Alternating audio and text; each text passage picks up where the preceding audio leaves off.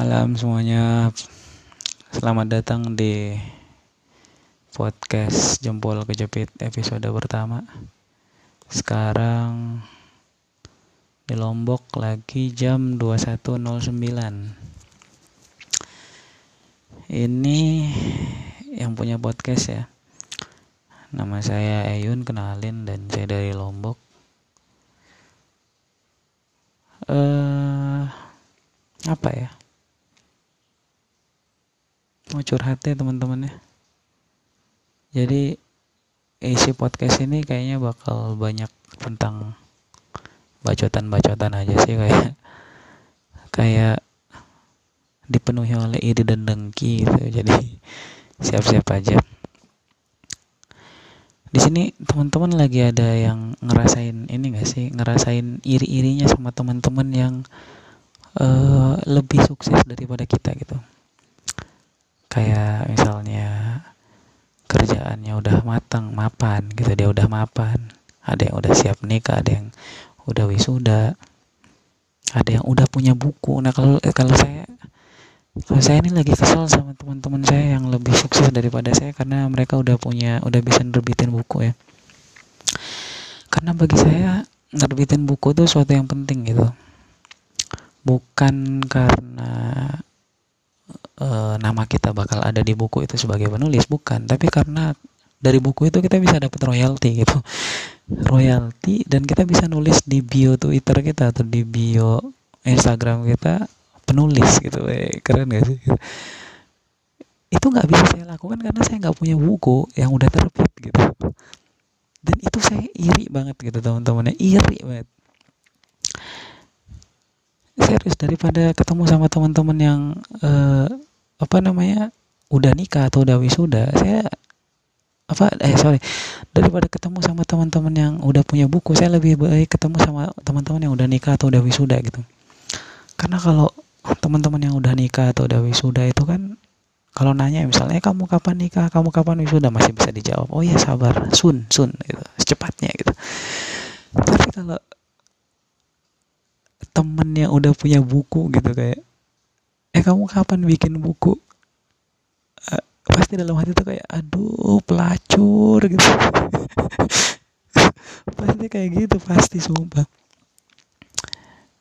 Dan kita tuh kayak pasti jawabnya kayak iya nih lagi on progress gitu. On progress itu otomatis lagi lagi lagi diselesaikan gitu. Cuma kalau bertahun-tahun kemudian tidak terselesaikan itu kan juga malu juga ya gitu. Eh uh, ya teman-teman jadi sekarang teman-teman saya tuh udah banyak yang bisa nerbitin buku ya. Uh, padahal ide juga sebenarnya kadang ide-ide itu seperti apa ya ngalir aja gitu di otak saya gitu banyak ide gitu banyak banyak banyak gagasan-gagasan banyak pikiran-pikiran yang mungkin bisa dibilang seksi lah ya bisa dibilang beda gitu. Kalau ditulis pasti bakal menarik gitu. Tapi kayak saya nggak bisa aja nulis gitu. Nggak bisa aja nulis nggak nggak mampu aja gitu. Ya pada akhirnya saya harus cari platform platform lain kan kayak misalnya podcast. Tapi ini pun kalau ada yang denger ya. Semoga lah ada yang denger ya uh, apa ya? Rese juga sih kadang teman-teman yang udah punya buku tuh. Mereka tuh uh, udah punya buku kalau udah punya buku tuh kan kadang nulis review-review ya. Review-review yang kayak Wih bukunya bagus, bukunya keren gitu. Eh, eh tahu nggak sih kalian itu menyakitkan hati saya gitu. itu tuh nyakitin gitu loh. Itu nyakitin gitu serius itu beberapa teman udah saya unfollow gara-gara sering upload review tentang bukunya maksud saya tolonglah hargai juga perasaan teman-teman saya tahu anda sedang ria gitu tapi tapi itu menyakiti gitu. Menyakiti. Ya Allah. Terus ada teman-teman juga di kampus sekarang udah pada berprestasi semua ada yang uh, apa bolak-balik luar kota lah demi organisasi. Terus saya tuh kayak ma masih males-males aja untuk berorganisasi gitu. Bukan karena saya ngerasa gimana ya, tapi saya ngerasa organisasi emang nggak penting kan gitu menurut saya ya. Karena organisasi itu kan ngelatih kita untuk kritis sementara saya udah kritis dari lahir. Iya kritis beda sama berkarya ya. Kita bisa aja kritis tanpa berkarya gitu. Kayak saya misalnya gitu. Tapi beneran teman-teman saya tuh kayak udah pada berprestasi gitu. Mereka udah jadi pembicara di mana-mana. Padahal ide mereka tuh mereka pas mereka tuangkan di saya itu kayak biasa aja gitu. Saya masih bisa kasih ide yang lebih menarik gitu. Tapi kok mereka tutup. Tapi kok mereka yang menonjol gitu loh maksudnya?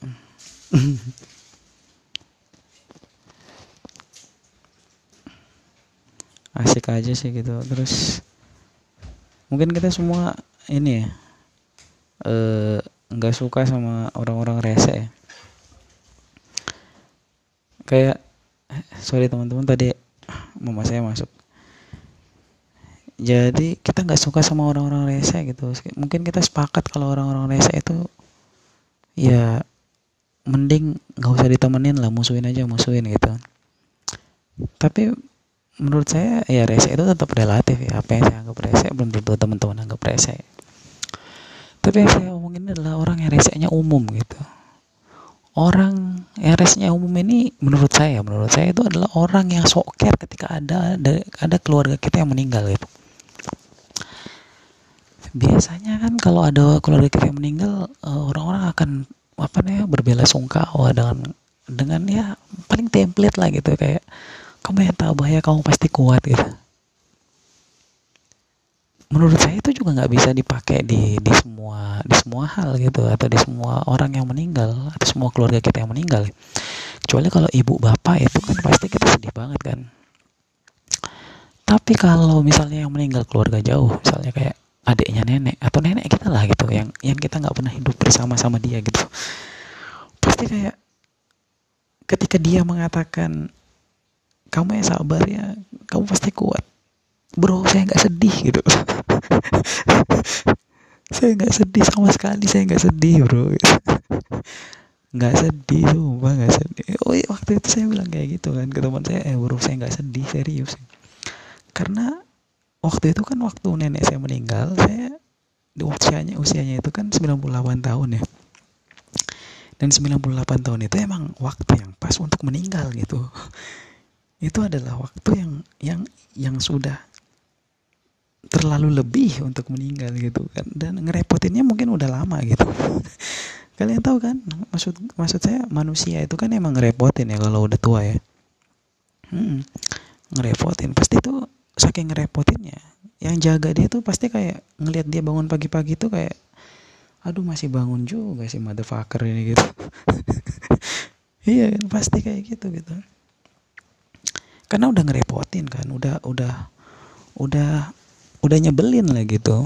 Makanya kan kalau orang tua kan banyak yang dikirim ke panti jompo ya karena emang anaknya udah udah nggak sanggup gitu. Dan itu menurut saya wajar-wajar aja nggak perlu dimasukin dalam konsep kedurhakaan juga sih karena ya ya nyebelin gitu nyebelin. Ya tapi balik lagi orang-orang soker tuh pasti kayak ngatain kita sabar ya kamu pasti kuat. Ya Allah simpan aja deh budi baikmu gitu. Udah biasa aja gitu kita nggak sedih ya.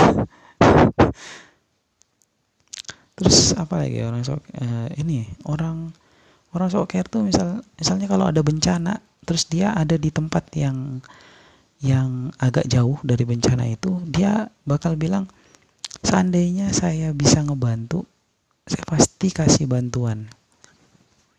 Tapi yang saya bisa hanya doa. Ya Allah kok yang bisa hanya doa gitu? Bantu bantu itu bantu itu bisa apa aja gitu?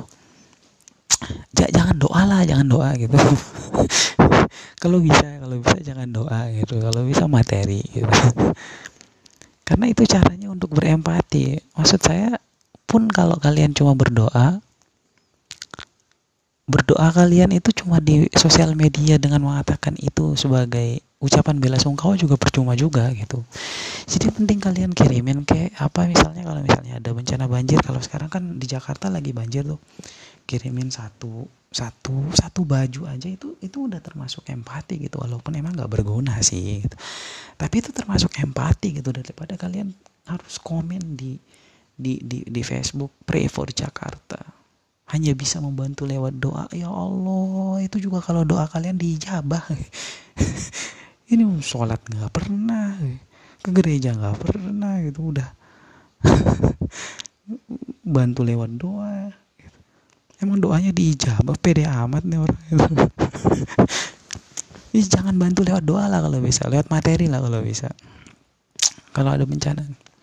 Soalnya dulu di Lombok kayak gitu. Banyak banyak banyak yang bilang sih gitu kayak saya kalau bisa bantu pasti saya bantu. Tapi sekarang saya hanya bisa bantu lewat doa. Ya Allah. Jangan doa lah jangan doa. Jangan jangan jangan. Jangan komen dan jangan doa. Udah gitu aja. Atau boleh komen boleh doa tapi jangan komen gitu. Karena itu bakal nyakitin doang gitu.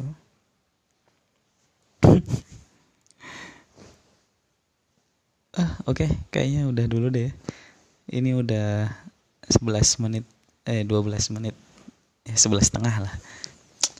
Ya intinya kayak gitu sih teman-teman ya.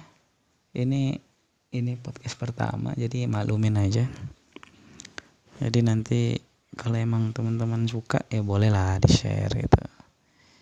Bolehlah di di apa tetap pantengin di podcast jempol kejepit. Yuk sampai ketemu di episode 2 bye